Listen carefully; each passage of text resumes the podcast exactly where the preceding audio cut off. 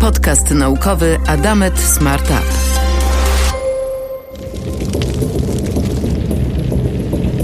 O 15.45 pożar w okolicach Pedrogao Grande zajmuje już powierzchnię 25 hektarów.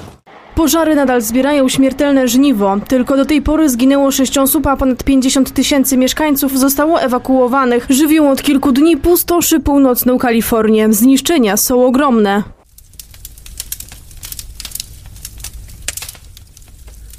Ogień.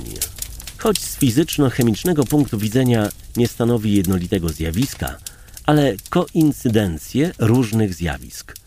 W kulturze utrwaliło się odbieranie ognia jako pojedynczego, spójnego bytu. Według mitologii greckiej Prometeusz wydarł go bogom na Olimpie, aby ludzie mogli korzystać z jego dobrodziejstw. Ogrzać się, ugotować strawę, oświetlić ciemność. Wściekły, gromowładny Zeus skazał go za to na wieczną męczarnię.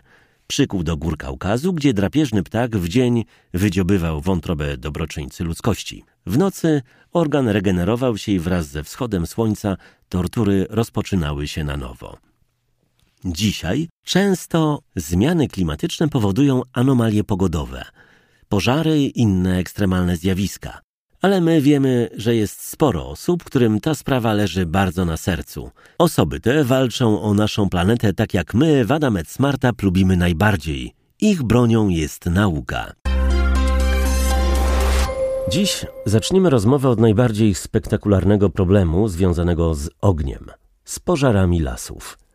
Rozmawiam z doktorem inżynierem Piotrem Tyszko-Chmielowcem, arborystą i dendrologiem, inicjatorem i liderem Krajowego Programu Ochrony Drzew Przydrożnych Drogi dla Natury, a także wiceprezesem Wrocławskiej Fundacji Ekorozwoju. Pan doktor jest absolwentem Wydziałów Leśnych SGGW w Warszawie i Virginia Tech w Blacksburgu w USA. Panie doktorze, chcemy porozmawiać o pożarach lasów, ale zanim do tego przejdziemy, dlaczego drzewa są takie ważne? Drzewa są dość wyjątkowymi roślinami, bo potrafią żyć długo i osiągać wielkie rozmiary. Tam, gdzie jest wystarczająco dużo opadów, są w stanie tworzyć własny mikroklimat, własny ekosystem. Jeśli się usunie las tropikalny, który jest pełen wilgoci i życia, powstaje coś w rodzaju takiej suchawej sawanny, która się dopiero po trochu odtwarza. To podobnie zresztą w naszej strefie. Nie, niektóre rodzaje lasu, na przykład lasy bukowe, tworzą pod parasolem liści taki specyficzny, chłodny, wilgotny mikroklimat. I dzięki tym właściwościom drzew one nam pomagają przeżyć największe upały. Drzewo chłodzi powietrze dzięki temu, że odparowuje wodę z liści i to odparowanie pochłania energię, więc to jest nie tylko to, że daje cień, ale także daje obniżenie temperatury. I właśnie gdyby nasze miasta były drzew całkowicie pozbawione, w letnie upały nie dałoby się w nich żyć. Inną właściwością drzew jest to, że zatrzymują wodę opadową i trochę zmniejszają gwałtowność powodzi wynikających z intensywnych opadów. Niemniej ważne są drzewa dla ludzi i dla przyrody w krajobrazie wiejskim, zwłaszcza tam, gdzie mamy do czynienia z dużymi polami, to często te drzewa przy drogach są jedynymi drzewami w krajobrazie i one chronią nasze plony, hamując wiatry, zmniejszając wywiewanie gleby, zmniejszając wysuszanie pól. I zwłaszcza teraz w epoce zmian klimatycznych tych drzew potrzebujemy bardziej niż kiedykolwiek z racji na, na przedłużające się susze. W jaki sposób pożary lasów niszczą drzewa i dlaczego jest to problem? Przecież takie pożary musiały zdarzać się od wieków. Pożary lasów zawsze się zdarzały w tych strefach klimatycznych, gdzie są długie okresy suszy, gdzie się gromadzą martwe gałęzie, suche, suche trawy, tam gdzie niska wilgotność powietrza przez dłuższy, przynajmniej przez dłuższy czas y, w roku, y, utrudnia rozkładanie tej umierającej materii organicznej i gromadzi się paliwo dla pożaru. Jednocześnie w takich zbiorowiskach w tych klimatach przeżywały te drzewa, te rośliny i te zwierzęta, które mogły z tymi pożarami żyć. Różnica między tym, co się jakby zawsze zdarzało, a tym, co się, co obserwujemy w ostatnich latach, jest w, w skali. Taki typowy ekosystem, zależny od pożarów, doświadcza te pożary co kilka lat. To są pożary nieduże, takie niskie. Podczas ich przechodzenia wypala, wypala się ten nadmiar suszu. Zwierzęta albo uciekają, odlatują, albo się z, z, głębiej w glebę, a rośliny tam żyjące są do tego do tego zjawiska przy, przy, przystosowane. Trawy mają te swoje tkanki twórcze y, zagłębione w ziemi, a wiele drzew rosnących w takich zbiorowiskach ma specjalne dostosowania. Na przykład u niektórych sosen szyszki się otwierają dopiero w wysokiej temperaturze po przejściu pożaru, bo wtedy jest największa szansa, że pożar, który zabije część, część drzew czy krzewów, stworzy przestrzeń, miejsce dla nowych osobników, żeby wykiełkowały i wyrosły duże drzewa. No i to może funkcjonować. Przyroda do każdych warunków się przystosuje. Natomiast y, jeśli skala pożaru urośnie, jeśli wskutek y, nadzwyczajnego nagromadzenia suchych elementów bądź też specyficznej pogody ten przyziemny pożar zamieni się w pożar górny, czyli tam, gdzie płoną korony, jeśli y, rozwinie się z tego burza ogniowa, wtedy destrukcja jest totalna i także odtworzenie tego ekosystemu trwa dłużej. To może być y, na skutek bądź specyficznego układu pogodowego, tak to, jak to było w Australii. Natomiast katastrofalne pożary w obszarach zamieszkałych przez ludzi są także efektem zagaszania mniejszych pożarów przez, przez strażaków właśnie dla ochrony tych, tych domów czy dla ochrony lasu. Te pożary y, takie przyziemne, one, one y, wypalają nadmiar suchych, y, suchej materii. Jeśli przez kilkadziesiąt lat pożary są gaszone, no to gromadzi się taka ilość suszu, że mamy katastrofalny pożar. To jest oczywiście pogłębiane przez, przez pogodę, przez, przez upały, przez suszę. Więc to, co obserwujemy, te wielkie y, pożary, które no, szczęśliwie jak na razie Polskę omijają, to są zjawiska, do których te ekosystemy nie są przystosowane, bo wyrastają te zjawiska skalą poza, poza to, co, co te ekosystemy i tam żyjące gatunki są, y, by, były w stanie do tej pory znieść. Zastanawiam się, czy zawsze, również jako dziecko, interesował się Pan tymi zjawiskami? Jak zostaje się naukowcem, działaczem społecznym? Na studia leśne poprowadziła mnie ciekawość. Chciałem się dowiedzieć, jak to jest, że las rośnie. Ja miałem jeszcze w dzieciństwie takich, takich trochę doświadczeń z drzewami. To było bardziej na poziomie, myślę, emocjonalnym.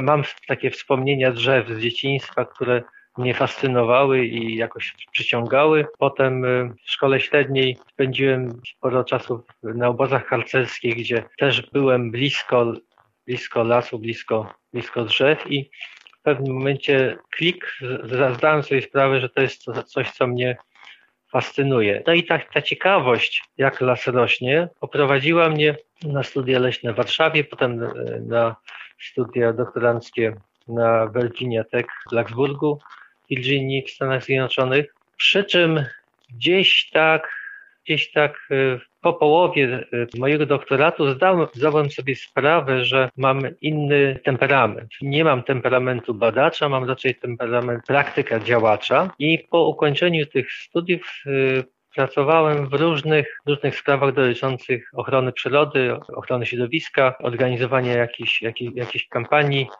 społecznych na rzecz, na rzecz przyrody i środowiska. Od kilkunastu lat wróciłem do zajmowania się konkretnie drzewami i to tymi drzewami wokół człowieka, przy, przy infrastrukturze. Tymi drzewami, które nam stwarzają nasze środowisko życia, poprawiają jakość życia, nas jakoś wzruszają. Zajmuję się tymi drzewami zarówno w, w aspekcie praktycznego gospodarowania nimi. Na przykład y, wykładam na kursie oceny stanu drzew, uczę inspektorów drzew, a jednocześnie też, też zajmuję się inspirowaniem ludzi, którzy kochają drzewa, do, do tego, żeby działali w ich obronie. No i muszę powiedzieć, że moje doświadczenie życiowe bardzo dobrze mi się tu układa.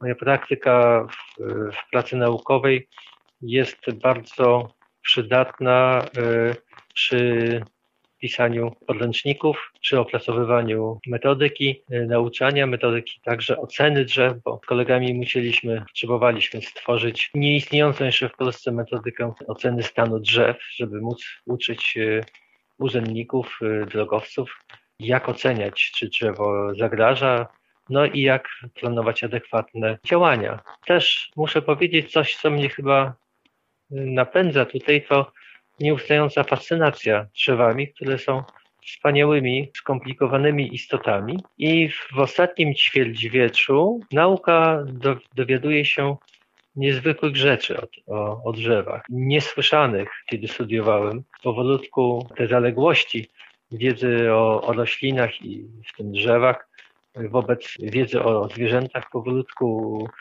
nadrabiamy, dowiadujemy się, o czym ja zawsze byłem przekonany, że, że drzewa nie są jakimś, jakimś gorsz, jakąś gorszą formą życia. Drzewa są równie dobrze jak y, ludzie i inne zwierzęta przystosowane do takiego stylu życia, jaki, jaki prowadzą.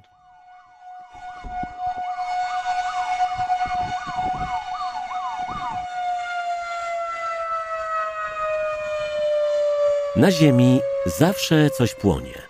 Pożary są wywoływane przez pioruny lub przypadkowo przez ludzi. Czasem ludzie używają kontrolowanych pożarów do zarządzania terenami uprawnymi i pastwiskami oraz usuwania naturalnej roślinności na terenach uprawnych. Pożary mogą generować duże ilości zanieczyszczenia dymem, uwalniać gazy cieplarniane i nieumyślnie degradować ekosystemy.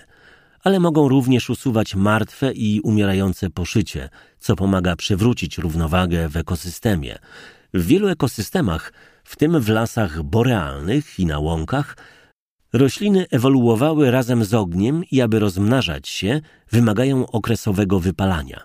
Dlatego rozmawiam z dr Nurią Prat, członkinią zespołu Paukosta Foundation, której misją jest łączenie naukowców, służb ratowniczych i społeczeństwa obywatelskiego – Doktor Pratt uzyskała doktorat z nauk o środowisku naturalnym na Uniwersytecie w Dublinie, a także ukończyła biologię na Uniwersytecie Santiago de Compostela i geografię na Uniwersytecie w Barcelonie. Jak i po co Pau Costa Foundation łączy naukowców, społeczności i służby ratownicze? Fundacja Paul Costa działa od 20 lat. Łączy naukowców zajmujących się pożarami lasów i ekosystemów w różnych aspektach z pracującymi na terenie praktykami, strażakami, leśnikami, właścicielami gruntów i innymi pożarami. Staramy się także ułatwić kontakt naukowców z pracodawcami i społeczeństwem. Obecnie mamy wzrost występowania wielkich pożarów na całym świecie. Na pewno słyszałeś o Kalifornii, Australii i innych wydarzeniach, z którymi teraz trzeba się zmagać. Podobne katastrofy wydarzają się na Syberii, w Europie są coraz częstsze. To jedna z przyczyn, dla których staramy się działać międzynarodowo. Potrzebujemy nauki, by walczyć z pożarami i wspierać tych, którzy walczą z ogniem w terenie. Właśnie teraz jesteśmy świadkami wydarzeń, których wcześniej nie przewidywaliśmy. Tego roku został pobity rekord spalonych hektarów w ciągu roku w Kalifornii. Takich rzeczy nie można traktować w kategorii codziennego działania. Potrzebujemy kreatywności i innowacji, by zrozumieć, jak zmiany klimatu wpływają na pożary, czy możemy je przewidzieć oraz jak te zjawiska się zmieniają. Jako fundacji zależy nam, by straże pożarne były najlepiej przygotowane, jak tylko to możliwe, by radzić sobie ze zmieniającym się zagrożeniem. Jakie są nowe sposoby prewencji wielkich pożarów? Co Paukosta Foundation robi inaczej niż dotychczas? To bardzo ciekawe pytanie. Tak, pracujemy z innowatorami takich technologii. Technologia odgrywa tu dużą rolę i jest jeszcze wiele do zrobienia, na przykład w kwestii wykorzystania sztucznej inteligencji do przewidywania takich katastrof oraz tworzenia ich modeli teoretycznych. Pracujemy także na poziomie lokalnym. Tutaj nauka także ma dużą rolę. Mówi się, że pożary lasów to problem strażaków i leśników. To nie do końca prawda. Wszyscy żyjemy w środowiskach w jakimś stopniu wchodzących w relacje z lasami i jest to zatem dla nas wszystkich ważne. Od zawsze ludzkość była związana z lasami oraz ogniem. Przez lata to się rozluźniło, ale w miastach trzeba także zrozumieć ważną rolę ognia w ekosystemie. Jeśli to zignorujemy, przegramy, bo pożary będą zawsze. To ważny przedmiot badań, w jaki sposób społeczeństwa mogą zarządzać przestrzeniami oraz wpływać na pożary. Jest tu także rola naukowców zajmujących się społeczeństwem. To, co jemy, jakich mebli używamy i wiele innych rzeczy wpływa na otoczenie pod względem zanieczyszczeń na przykład. Nie jest to kwestia tylko terenów wiejskich. Pracujemy z nimi nad zmianą percepcji pożarów oraz stworzenia modelu bioekonomii, która pokazuje rolę każdego w walce z takimi katastrofami, nawet osób z wielkich miast, żyjących z dala od lasów. Zawsze chciała pani zostać naukowcem od pożarów? To nietypowa ścieżka kariery. Urodziłam się w Hiszpanii, gdzie naturalnie dość często dochodzi do pożarów dzikiej przyrody. Praktycznie każdego roku informacje o nich pojawiają się w lecie w wiadomościach. Już podczas studiów geograficznych nawiązałam kontakt z profesorami zaangażowanymi w walkę z takimi kataklizmami. Od tego momentu wiedziałam, że to jest to. Chcę się tym zajmować. Muszę powiedzieć, że teraz grupa naukowców na tym polu jest całkiem spora i jesteśmy wyjątkowo zaangażowani w to, co robimy.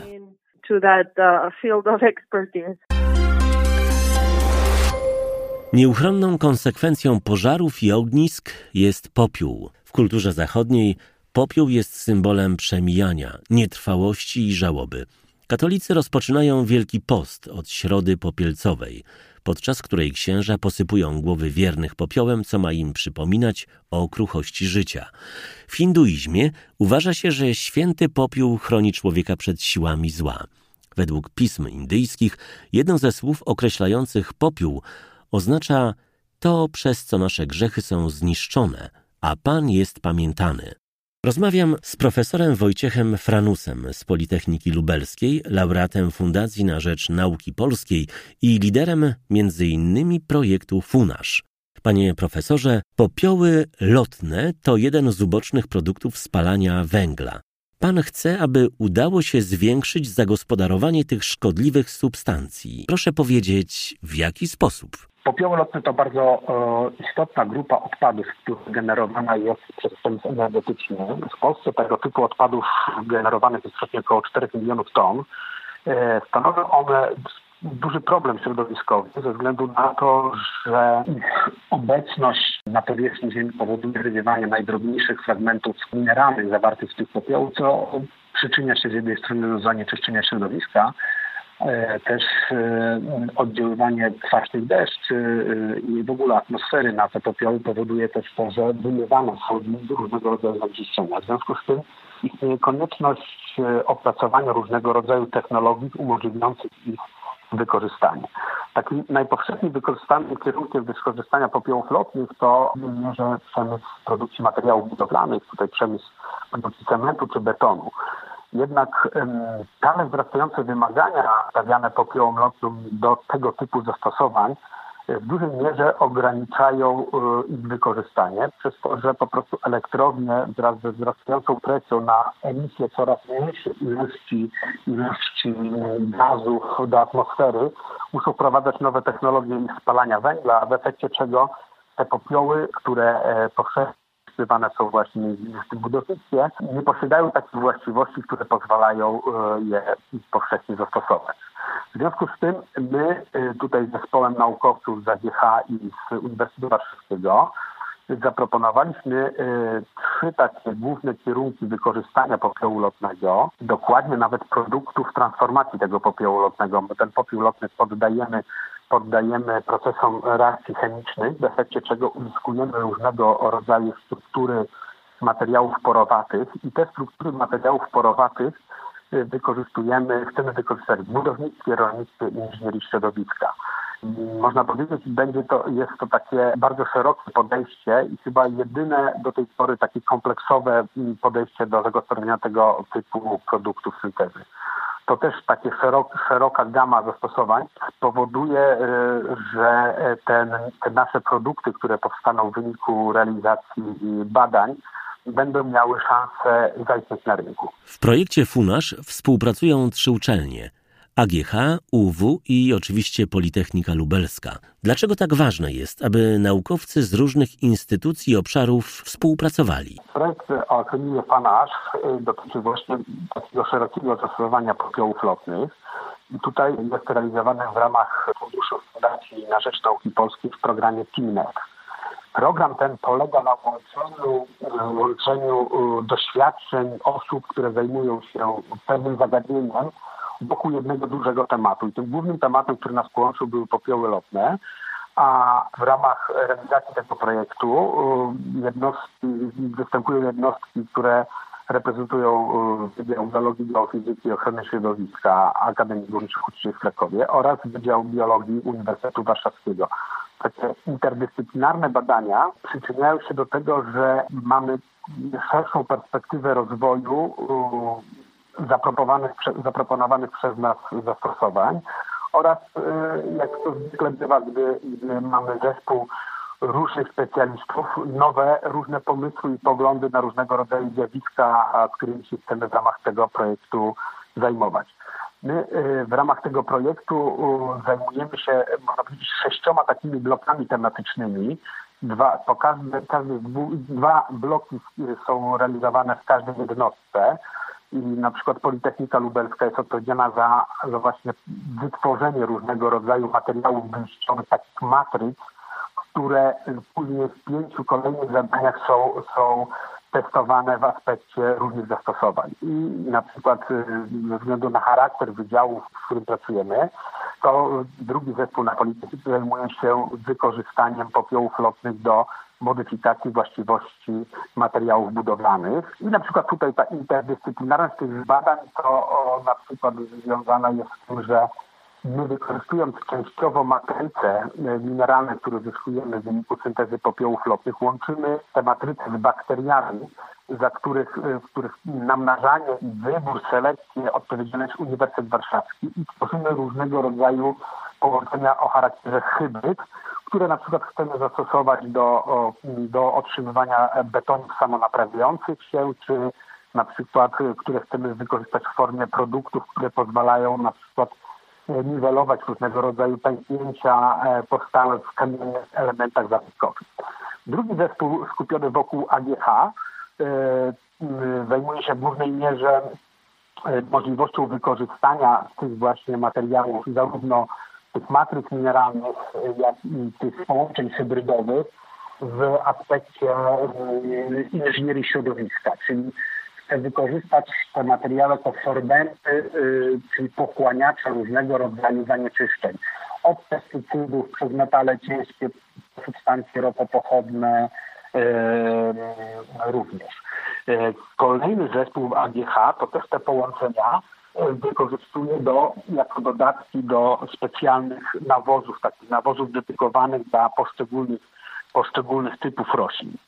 E, natomiast dwa zespoły, e, dwa zespoły e, skupione wokół Uniwersytetu Warszawskiego zajmują się między innymi opracowaniem różnego rodzaju biopreparatów, takich na bazie tylko bakterii, które mogłyby być wykorzystane do, do, otrzym, do oczyszczania wód gleb oraz powietrza z różnego rodzaju gazów oraz takich biopreparatów, które stanowiłyby swego rodzaju takie biostymulatory do wzrostu roślin uprawnych i procesów biokompostowania na przykład.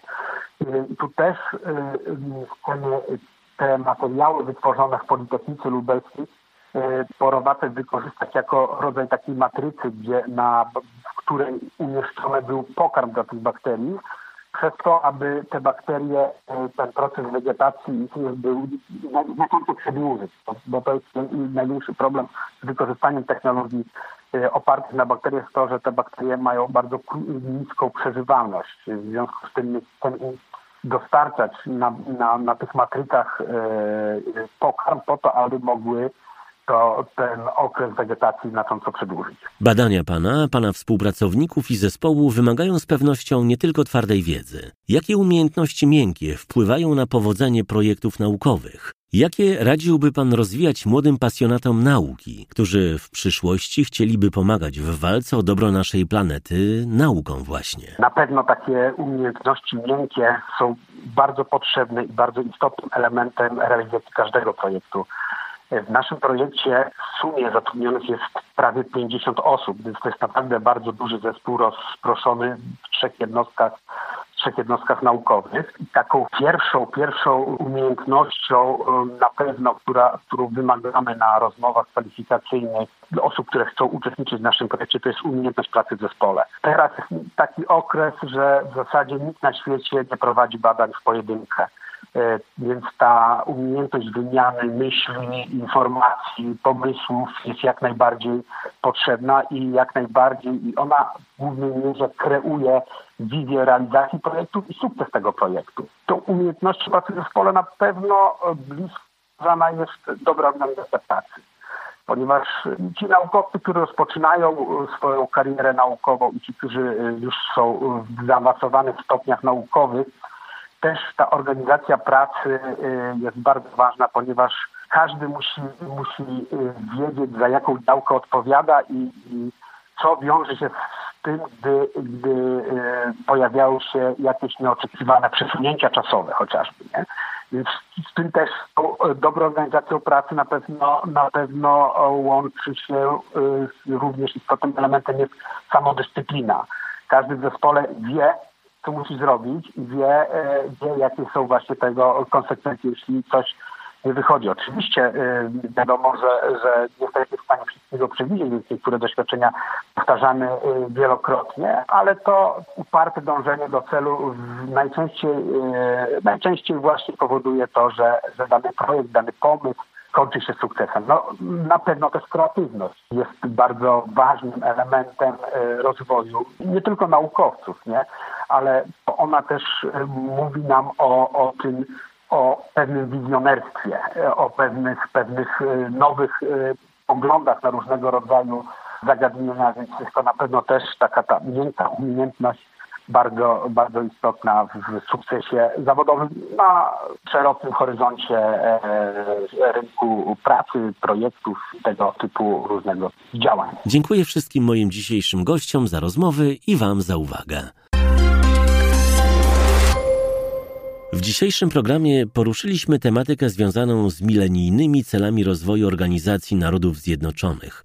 Tematy naszych rozmów dotyczyły celu 13, który nakazuje nam podjąć pilne działania w celu przeciwdziałania zmianom klimatu i ich skutkom.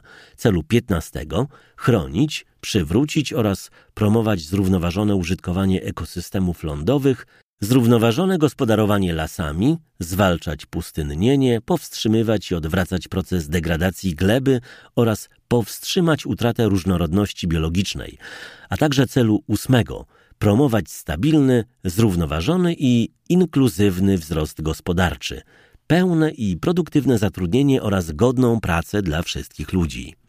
To już koniec naszej serii o żywiołach i naukowcach oraz naukowczyniach, którzy działają na rzecz klimatu poprzez swoją pracę. Zachęcamy Was jednak do pozostania z nami. Za chwilę kolejna seria naszych podcastów, tym razem o tym, jak studiować na najlepszych zagranicznych uczelniach. Jeśli podcast Wam się podobał, prosimy polećcie go innym osobom i koniecznie subskrybujcie, aby nie przeoczyć następnych odcinków. Podcast naukowy Adamet Smart Up.